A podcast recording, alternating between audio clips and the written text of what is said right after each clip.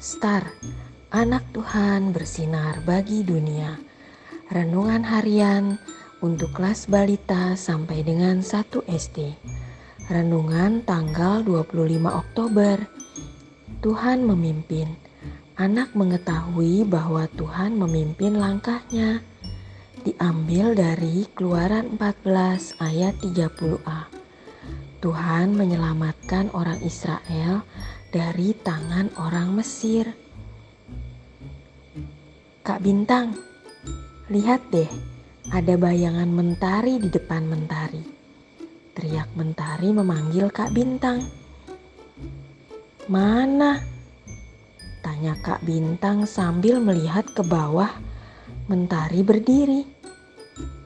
Oh iya, bayangannya berada di depan mentari berdiri ya. Jawab Kak Bintang.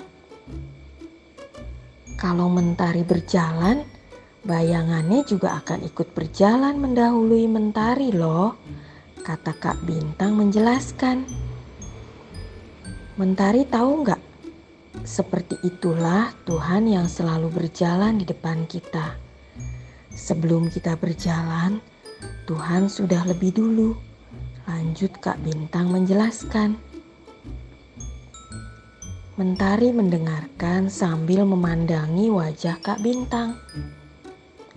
Terima kasih ya Kak Bintang, Mentari sekarang jadi mengerti, jawab Mentari. Nah adik-adik, siapa yang menjaga kita saat kita berjalan? Tentu Tuhan Yesus. Ia selalu ada bersama kita.